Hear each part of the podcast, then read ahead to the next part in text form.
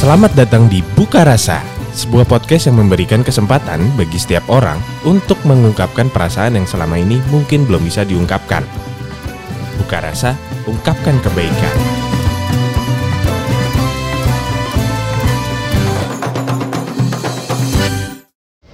Halo, nama gue Bunga, umur gue 21 tahun. Gue mau membuka rasa bersalah ke sahabat gue, eh, Ica. Sorry banget, kemarin gue habis jalan sama pacar lo. Halo, nama gue Jerry, umur gue 23 tahun. Gue mau ngungkapin rasa bersalah gue karena selama ini gue lupa untuk ngabarin cewek gue. Kirain gue ngabarin cewek gue, ternyata gue ngabarin selingkuh gue.